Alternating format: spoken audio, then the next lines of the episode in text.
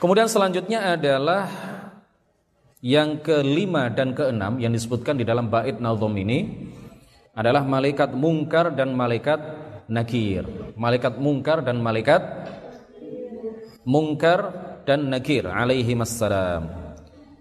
Beliau berdua adalah fattana al-qabr ay alladzani yamtahinani an-nasa fil qabr bis-su'al. Ditugaskan oleh Allah Subhanahu wa taala untuk menyampaikan pertanyaan kepada orang-orang yang meninggal di dalam kuburnya. Waqad summiya munkaran wa nakiran li'anna alladhi yarahuma yafza' minhuma. Kenapa disebut mungkar dan nakir? Mungkar. Kalau kita mendengar kata-kata mungkar, itu kan satu istilah yang sepertinya nggak enak didengar gitu kan. Mungkar. Ya, perbuatan dosa itu disebut mungkar. Kekufuran juga disebut mungkar kemungkaran kalau dalam bahasa Indonesia diartikan dengan makna kemungkaran. Nah, di sini artinya bukan kemungkaran. Malaikat mungkar dan nakir itu disebut dengan nama mungkar dan nakir karena keduanya adalah makhluk Allah yang menyeramkan. Malaikat mungkar dan nakir ini adalah makhluk Allah yang menyeramkan, menakutkan. Jadi ketika didatangi oleh malaikat mungkar dan nakir, terutama orang kafir, yang baru saja mati di dalam kubur didatangi oleh malaikat mungkar dan nakir, pasti orang kafir tersebut akan takut ya, kaget takut melihat betapa menakutkannya sosok malaikat mungkar dan dan nakir. Mungkar sesuatu yang makhluk yang tidak dikenal sebelumnya, mungkar. Nakir itu juga begitu. Artinya begitu. Jadi jangan dikait-kaitkan dengan dosa kemungkaran ya, bukan itu artinya. Karena bahasa Arab itu luas ya, disebut mungkar dan nakir Karena ada sebagian orang yang ada sebagian orang yang tidak paham bahasa Arab itu kemudian mengingkari. Enggak setuju. Masa malaikat disebut sebagai mungkar? Masa malaikat itu dinamakan dengan kemungkaran? Ah, enggak, yang benar aja, enggak benar ini. Ya, ini ini orang yang miskin ilmu ya. Yang biasanya menggugat-gugat apa yang telah disepakati oleh para ulama, ini adalah orang-orang yang miskin miskin ilmu, wawasannya minim sekali. Nah, mungkar dan nakir ini disebut dengan nama ini karena orang yang melihatnya maka akan melihat sosok yang sepertinya bukan sepertinya akan melihat sosok yang yang berbeda dengan apa pun yang pernah dilihat sebelumnya. Sangat menakutkan. Di dalam sebuah hadis dikatakan bahwa keduanya adalah aswadani azraqan. Malaikat mungkar dan nakir ini warnanya adalah hitam kebiru-biruan. Atau kalau mau diterjemahkan biru kehitam-hitaman nggak tahu yang benar seperti apa. Pokoknya hitam ke biru-biruan ya atau biru ke hitam hitaman aswadani azraqan. Kalau hitam saja mungkin tidak terlalu menakutkan. Biru saja mungkin tidak terlalu menakutkan tapi kalau hitam ke biru-biruan atau biru ke hitam-hitaman nah ini sangat menakutkan sangat menyeramkan.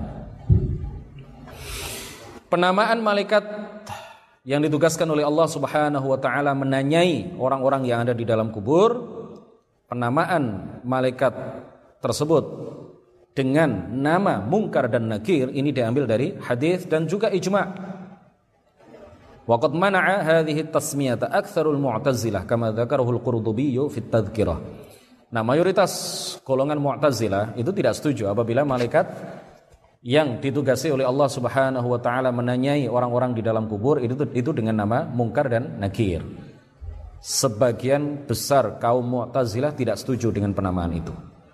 Ya, tetapi kalau kita ahlu sunnati wal jamaah, sebagaimana telah disepakati oleh para ulama ahli sunnah wal jamaah dan juga ada hadis yang menjelaskan tentang hal itu, maka kita menamakan malaikat dua malaikat yang ditugaskan oleh Allah Subhanahu wa taala menanyai orang-orang yang ada di dalam kubur dengan nama apa? Mungkar dan Nakir. Di dalam sebuah hadis marfu' dikatakan, "Idza qubira ahadukum awil insanu azraqani yuqalu li ahadihima al-munkar wal akharu wal akhari an-nakir." Jika salah seorang di antara kalian dikubur, maka dia akan didatangi oleh dua malaikat. Aswadani azraqan, hitam kebiru-biruan. Yang pertama bernama Mungkar dan yang kedua bernama nakir. Adapun ijma mengenai nama mungkar dan nakir ini telah dinukil telah dikutip ijma para ulama oleh Al-Amidi di dalam kitab Al-Abkar, Al-Iji di dalam kitab Al-Mawaqif. Beliau berdua mengatakan wa tasmiyatu ahadil malakaini munkaron wal akhari nakiran famakhudun min ijma'is salafi min al ummati wa akhbarin marwiyatin 'anin nabiyyi sallallahu alaihi wasallam. Nah ini supaya kita tidak terpengaruh dengan ocehan beberapa orang yang mengingkari atau tidak setuju dengan penamaan malaikat mungkar dan dan nakir. Dikatakan bahwa adapun watasmiyatu ahadil malakaini mungkaron penamaan salah satu dari dua malaikat itu dengan nama mungkar dan yang lain dengan nama nakir maka ini adalah diambil dari ijma' para ulama salaf. Ya, tidak hanya ulama di sini dikatakan min ijma'is salafi minal ummah umat Islam pada masa salaf sepakat menyatakan bahwa nama kedua malaikat itu dengan sebutan mungkar dan yang lain disebut apa? Nah, nakir. Dan juga berdasarkan beberapa hadis yang diriwayatkan dari Rasulullah sallallahu alaihi wasallam. وقد ذكر بعضهم أن الملائكة الذين يأتون إلى الميت في قبره للسؤال أربعة sebagian pendapat menyatakan bahwa malaikat yang mendatangi seseorang di dalam kuburnya itu ada empat pertama namanya mungkar kedua namanya nakir ketiga namanya nakur pakai kaf nakur dan yang keempat namanya ruman dan sebagian pendapat mengatakan ada tiga yang pertama namanya mungkar yang kedua namanya nakir yang ketiga namanya angkar dan kedua pendapat itu la yasih wala thubuta lahu 'indal huffaz. Jadi kedua pendapat itu tidak benar ya. Yang benar, pendapat yang benar sesuai dengan beberapa hadis, sesuai dengan ijma' para ulama bahwa yang bertugas menanyai orang di dalam kubur adalah dua malaikat, yang pertama bernama Mungkar dan yang kedua bernama Nakir. Wa amma bin nisbati li'adadihim faqad qala al-Halimi jumlah malaikat mungkar dan nakir itu berapa?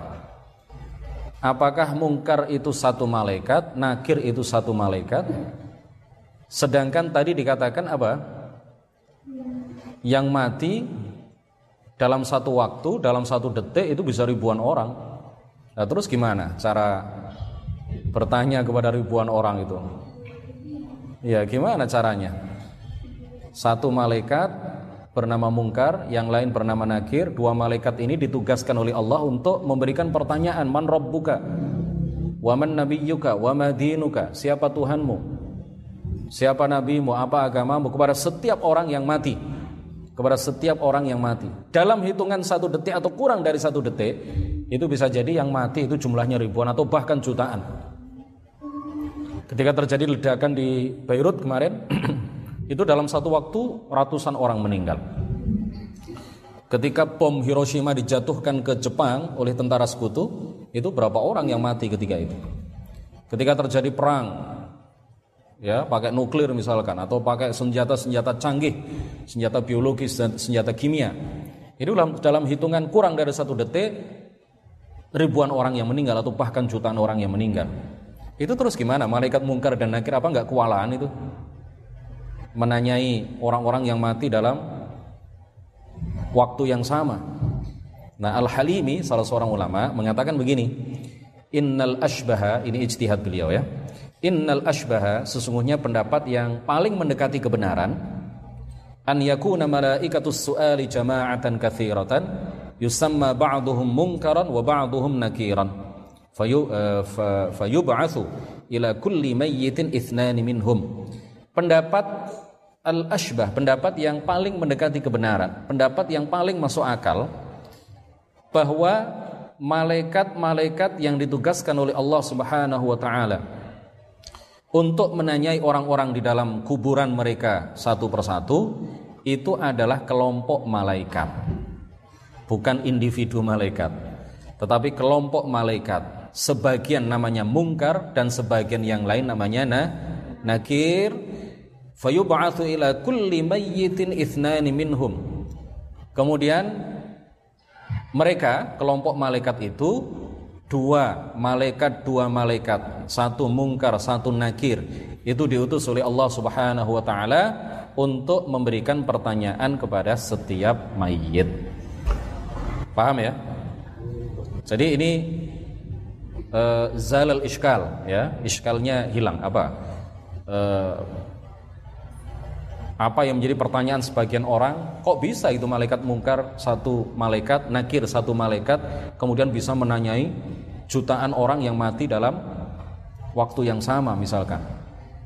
Nah, pendapat yang paling masuk akal dikatakan oleh sebagian ulama bahwa malaikatus su'al mereka adalah rombongan malaikat sebagian namanya mungkar dan sebagian namanya nah nakir. Kemudian dua malaikat dua malaikat diutus oleh Allah kepada setiap mayat yang mati untuk menanyainya di dalam kuburan.